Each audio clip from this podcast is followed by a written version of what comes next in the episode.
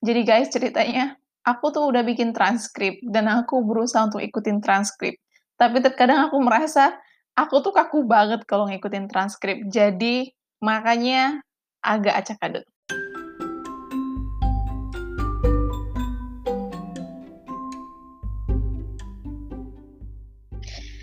Halo halo semuanya, para pencari gebetan. Kemarin udah aku bahaskan tuh beberapa tips soal foto di dating apps yang bisa kalian coba. Jadi, gimana nih? Udah ada yang coba apa belum? Kalau udah ada yang coba, nanti jangan lupa buat share ya. Dan kalau udah ada yang coba, bagi-bagi testimoninya lah. Bisa kan nanti jadi sharing stories gitu antara satu sama yang lain.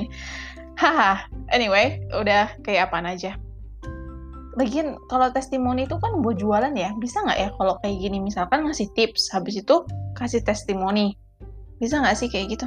Anyway, uh, oke okay, guys, sekarang selanjutnya aku bakal bahas uh, hal selanjutnya maksudnya tips yang lainnya lagi yaitu soal profil. Kemarin itu kan soal foto nih. Nah, sekarang soal profilnya. Apa aja sih yang perlu diperhatikan? Jadi, yuk simak bareng-bareng. Oke? Okay?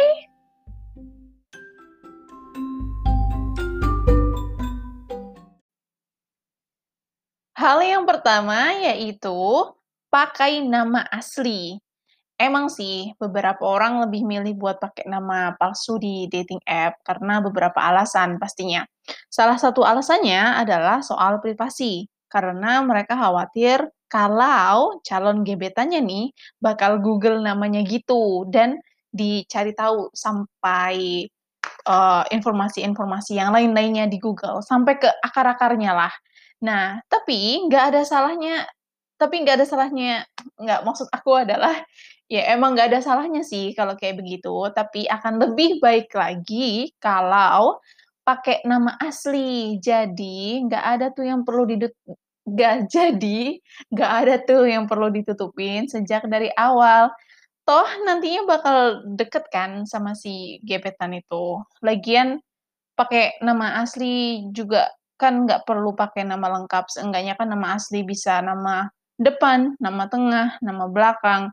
Nama panggilan pun udah cukup. Iya nggak? Iya iya nggak sih? Kan, ya kayak namaku di perkenalan podcast ini pun namaku ada banyak banget, padahal namanya cuman 2 nama, tapi nama panggilannya ada banyak banget. Jadi, contohnya kayak begitulah. Jadi, lebih baik pakai nama asli. Oke? Okay?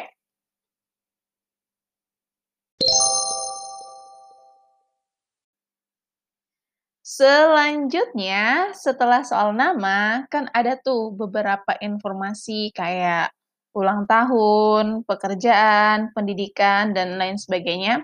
Itu tergantung kalian sih mau ditulisin secara rinci atau enggak. Kalau emang nyantumin kalau emang kalian tuh ngerasa nyaman buat nyantumin informasi tersebut, ya silahkan. Tapi kalau nggak nyaman pun, ya nggak apa-apa, nggak dicantumin. Lagian nanti kan bakal ngobrol tuh sama si calon gebetan. Jadi, it's okay. Uh, anyway, dan, uh, soal ini, tapi yang paling yang paling penting dalam hal ini adalah soal umur. Perlu banget soal umur, perlu banget dijawab dengan jujur. Karena itu hal yang sen sensitif menurut aku. Nggak perlu khawatir dengan beberapa orang yang bilang kalau, nanti nggak ada yang suka kalau usianya udah tua, kalau kalau suka kalau suka maksud aku, kalau emang suka mah suka aja. Ya, kalau memang usianya memang ada tapi gini maksud aku adalah, jangan salah loh, ada beberapa orang yang tertarik dengan usia yang lebih muda, tapi ada juga yang lebih tertarik dengan usia yang lebih tua. Jadi, daripada dibuat-buat atau bohong soal umur, nanti malah nggak baik kalau pas ketahuan, uh, sewaktu udah deket, atau mungkin pas udah jadian gitu. Jadinya kan malah mengecewakan kan. Jadi sebuah hubungan yang tidak baik. Uh, ketika sebuah hubungan itu dimulai dengan sebuah kebohongan. Jadi soal umur, ingat ya, kasih tahu aja apa adanya.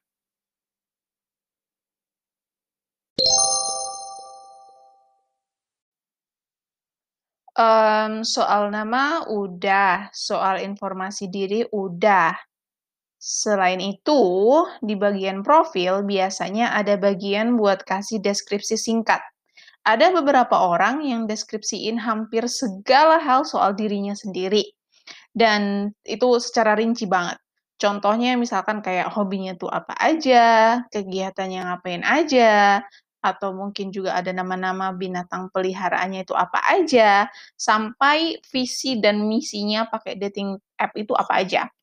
Uh, lagi-lagi nggak ada salahnya buat nulis ringkasan singkat itu dengan panjang lebar dan juga secara detail, tapi bakal lebih baik kalau keep it simple. Misalkan, "Hey, let's be friend," atau mungkin, um, "What about a cup of coffee with" uh, apa, gimana? Atau mungkin misalkan, uh, kita bisa bilang pesan singkat, "What about a cup of coffee with a bunch of stories?" Ya, bisa sesimpel itu. Karena, uh, kenapa? Pertanyaannya oke, sebentar. Pertanyaannya, kenapa? Karena kalau panjang-panjang, ada beberapa orang yang udah ngejudge duluan dari deskripsi yang panjang itu, dari apa yang ditulisin di sana.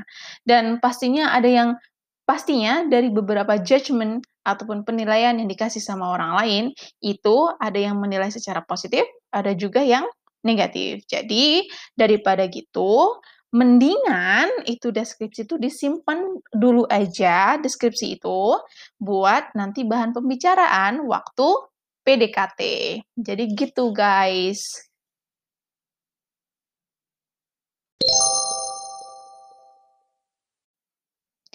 Uh, baiklah, selain tiga poin soal profit selain tiga poin sebentar. Selain tiga poin soal profil singkat yang udah aku jelaskan sebelumnya, ada beberapa tambahan yang ingin aku kasih di sini. Ketika, uh, misalkan nih, kalian udah match sama seseorang. Jadi, hal-hal apa sih yang perlu diperhatikan ketika kita memulai sebuah percakapan? Biasanya sih jadi guys, ceritanya aku tuh udah bikin transkrip dan aku berusaha untuk ikutin transkrip. Tapi terkadang aku merasa aku tuh kaku banget kalau ngikutin transkrip. Jadi makanya agak acak adut. Anyway, uh, yang ingin aku bahas itu di sini adalah biasanya gimana sih kalian kalau mulai sebuah percakapan uh, di mulai percakapan ataupun mulai pembicaraan gimana nih kalian? Pasti rata-rata bakal bilang, "Hai, halo, apa kabar?" How are you? Lagi apa nih? Iya nggak? Um, udah kebanyakan orang yang mulai percakapan begitu. Jadi, yang pertama yang bisa aku share di sini adalah mulailah sebuah percakapan dengan hal yang nggak biasa. Misalkan nih, kita lihat dari profilnya dia suka hal-hal uh, maksud aku misalnya ini kita bisa lihat dari uh, profilnya tentang hal apa sih yang kira-kira dia suka. Jadi kita bisa nebak dari situ ataupun mungkin kita bisa jadikan itu sebagai salah satu bahan pembicaraan. Dan itu merupakan hal-hal yang yang ringan-ringan aja, nggak usah yang berat-berat. Kayak misalkan nih kita lihat, oh ternyata dia seneng bola. Ya udah, iseng aja. Um, misalkan kita bisa tanyain, eh MU atau Barcelona, misalkan. Uh, soal bola aku nggak ngerti ya, jadi itu aja contohnya. Uh, sama sekali aku nggak ngerti anyway. Uh, atau misalkan nih kita tahu, uh, itu orang dia misalkan nih dari negara lain, misalkan nih dari Singapura, uh, terus kebetulan kamu udah pernah ke sana, jadi ya sapa aja, "Hey, I love Singapore." Mulai deh percakapannya dari hal yang sesimpel gitu guys, simple, ringan, tapi menarik, iya nggak? Uh, itu adalah hal yang pertama, aku sebenarnya jadi bingung, ini hal yang pertama atau hal yang keberapa? Uh, selanjutnya, uh, yang perlu aku kasih tahu atau aku share adalah PDKT atau pendekatan itu bukan berarti interogasi, oke? Okay? Jadi bo um, bukan interogasi yang kayak misalnya kita tanya-tanya tentang, "Eh, kerja di mana? Kamu tinggal di mana? Tinggalnya sama siapa? Eh, kamu kuliahnya di mana? Gaji kamu berapa?"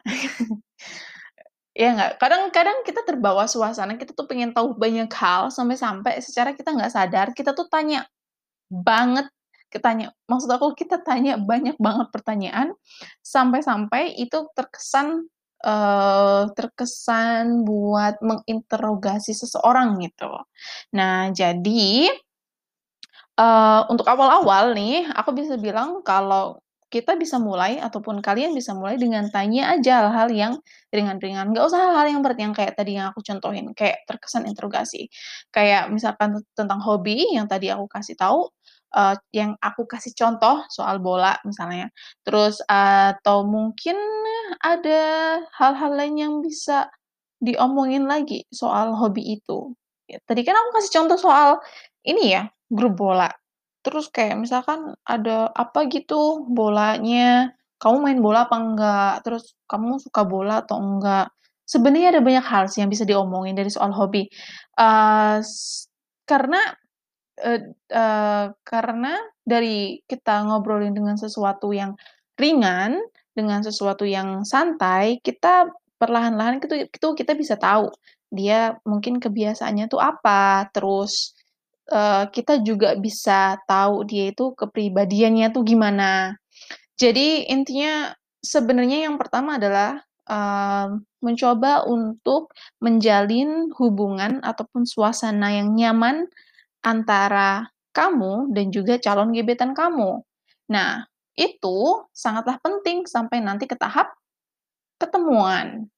Nah, setelah ketemuan baru deh, eee, kalau udah ketemuan kan itu udah kepu ke keputusan selanjutnya ya, apakah mungkin cocok, akan lanjut, atau mungkin enggak, eee, atau mungkin udah sampai situ aja, atau mungkin jadi ke tahap yang lebih serius lagi. Jadi setelah itu terserah deh mau ngomongin apa, mau ngomongin yang soal interogasi tadi pun nggak apa-apa, tapi yang terpenting, yang paling penting untuk di awal-awal itu, berusaha dulu aja buat, eee, membangun suasana yang nyaman antara kamu sama si dia. Memang ya lagi-lagi memang terkadang kita tuh tuh, otak kita itu gatel, kita tuh pengen tanya banyak bang hal banyak banget hal yang kita pengen tahu dari orang itu. Tapi tahan aja dulu, jadi obrolin yang ringan-ringan dulu, bangunlah hubungan yang nyaman, senyaman mungkin sama orang itu. Soal yang nanti-nanti mah yang soal informasi-informasi yang lainnya mah nanti nyusul. Gitu sih, guys. Eee, itu tips tambahannya yang bisa aku kasih, soal ngedapetin gebetan di dating app.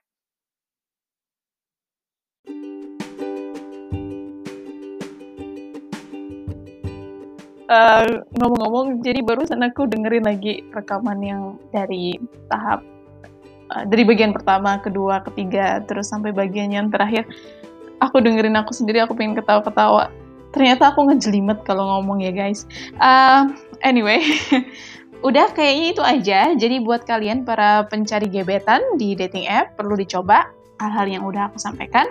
Uh, semoga tips yang udah aku sampaikan bermanfaat buat kalian semua. Uh, selamat mencoba dan yang terakhir, salam ombak. Dah.